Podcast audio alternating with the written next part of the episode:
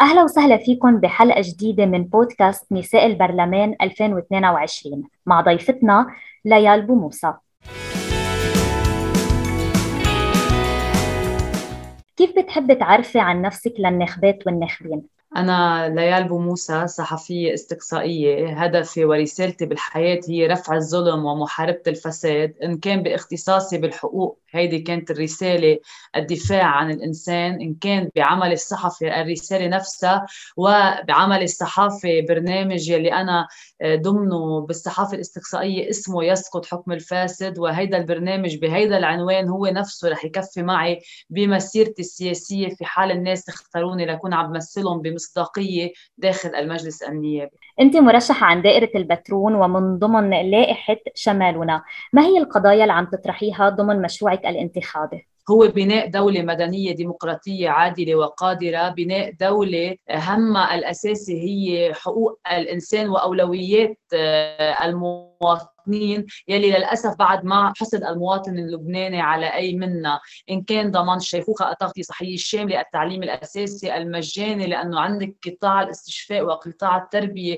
هول القطاعين يلي كان المواطن اللبناني يشوف حاله فيهم بكل الوقت. اليوم هن عم بيروحوا على انهيار لازم نحن نكون عم نحميهم. طبعا عم نحكي عن آه، تطوير القطاع التربوي استحداث كليات وفروع للجامعة اللبنانية آه، رفع سيطرة الأحزاب السياسية عن هذه الجامعة اللبنانية قانون موحد للأحوال الشخصية لأنه هذا القانون لا يمكن انه نضلنا عم نعيش ظلم بحماية دستورية. قد ما كان نسبة الناس يلي عم بيعانوا من هذا القانون المشحف بحق الناس بالأحوال الشخصية لازم نكون عم نسعى لقانون موحد بهذا الإطار. طبعا الدفاع عن كامل حدود لبنان وثرواته البرية والبحرية الخط 29 بس ما فينا نكون إلا السياديين ضد كل أشكال الدويلات. من ضمن هذه الدويلات طبعا السلاح غير الشرعي طبعا وضع استراتيجية حقيقية للجيش اللبناني لنقدر نحارب العدو وغير العدو ونكون عم ندافع عن أرضنا. طبعا بده يكون عندنا خطة للمخيمات الفلسطينية اللي إذا استمرت بهذه الطريقة نحن قدام ما فينا نعرف نعرف لوين بدنا نروح. سياسة واضحة لموضوع اللاجئين السوريين وأيضا عندنا الموضوع الأساسي اللي هو دويلة الفساد. واليوم لحتى نحارب كل هذه الدويلات بدنا نغير معادلة القوة.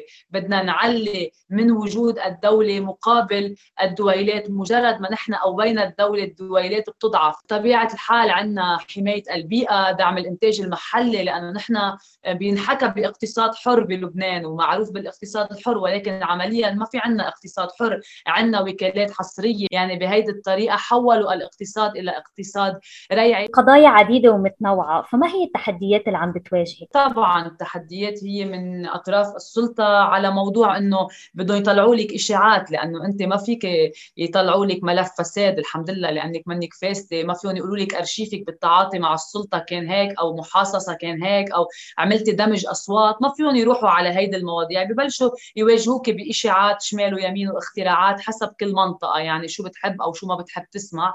بس أنا بالنسبة لي دائما آه، متفائلة إلى أقصى الحدود. يعني بتحلى الحمد لله بالقوة والصلابه يلي ولا ممكن أضعف قدام كل هيدي الإشاعات. وأنا شخص بملك مصداقية بملك آه، الحرية بالقرار. ما حدا بيحركني مثل الماريونات وبملك القدرة والمعرفة على المواجهة. ليال ذكرت إنه تعرضت لفبركة إشاعات، هل هذه الإشاعات كانت تطالك آه، كنوع من التحديات الذكورية أو تطال آه، تحديات بمشروعك الانتخابي؟ آه، لا تطال مش بطريقة ذكورية لا ابدا. بس إنما إذا بدك يعني بمفاهيم يعني بيشوفوا هون إنه المنطقة شو بدها تسمع من شو بتخاف. بيخترعوا لك إشاعة مثلا إنه أنت يسار ممانع أو إنه أنت آه، مع حزب الله ومع سلاح حزب الله أو حزب الله داعمك أو إلى آخره من المواضيع. يعني تخيل اليوم الفكر اليساري أو الفكر اليميني بيصيروا يخونوا بعضهم إنه ما تنتخب فلان يميني ما تنتخب فلان يساري. بوقت يلي إذا بدنا نحكي يمينيا ويساريا عند مفهوم الناس هو شيء مرتبط بالحرب وليس مرتبط بالفكر. بالنهاية نحن إذا عم نواجه عم نواجه كرمالنا وكرمال غيرنا لأنه لا بقى فينا نترك حالنا ولا نترك غيرنا بمواجهة هيدي السلطة ليال خبرتينا عن قضايا متعددة بمشروعك الانتخابي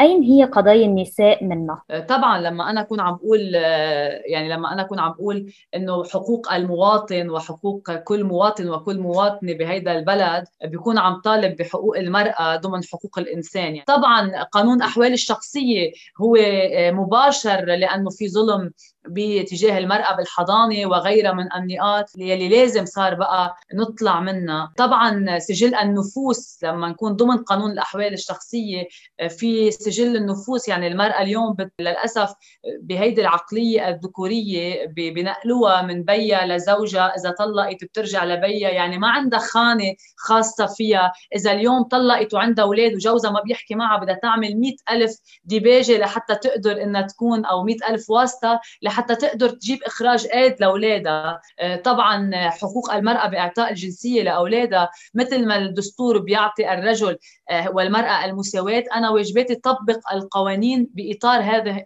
هذا المبدأ مبدأ المساواة. وللأسف أنت بتعرفي كثير منيح إنه مقدمة الدستور بهذا البلد كمان منا مطبقة. هيدي المرة الثانية اللي عم بتخوضي فيها الانتخابات النيابية.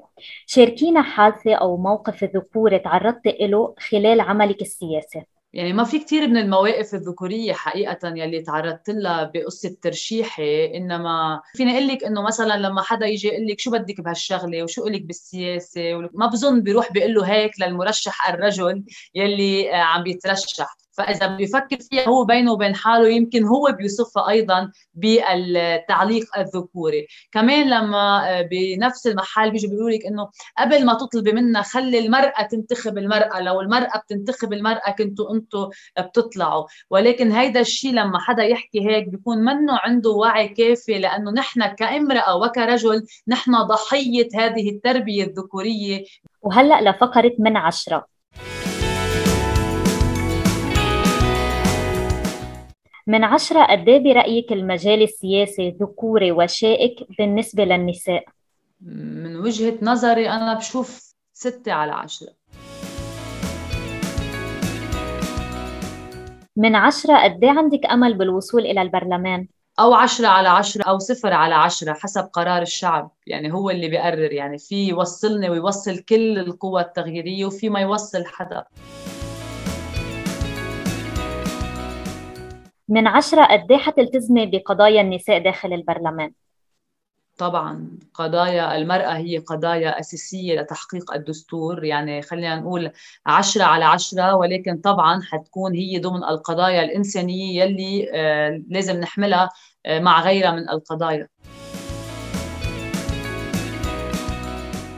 من عشرة قد إيه حيكون عندك مجال إذا وصلت إلى البرلمان إنه توصلي صوتك وأصوات النساء؟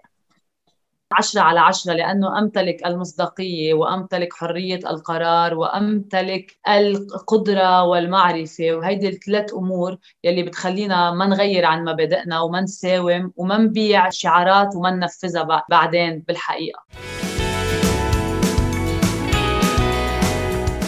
أخيرا انتخبوني لأن؟ لأني أنتو. لأنه ما بقى تسلموا حالكم لأشخاص ما بيشبهوكم ما بقى تسلموا البلد. لناس ما بتشبهكم خلونا نرد أصوات الناس لداخل المجلس النيابي ونسترد هذه الأصوات مثل ما بدنا نسترد الأموال. اصواتكم انسرقت بوعود كاذبة واموالكم انسرقت بدعايات كاذبة. حلا بقى نحط إيدنا بإيدين بعض لحتى نبني هيدا البلد. ما فينا نتركه بهيدي الطريقة عم بيندار لأنه ما بقى معنا ترف الوقت. نحن ما عنا ترف الوقت. لبنان رايح على مطرح إذا منه منيح إذا تركناه مع اللي وصلوا لهون. لهون بنوصل لختام حلقتنا من بودكاست نساء البرلمان 2022 شكرا لك ليال بوموسى وعلى مشاركتك معنا. على أمل تقدري توصلي وتحققي مشروعك الانتخابي.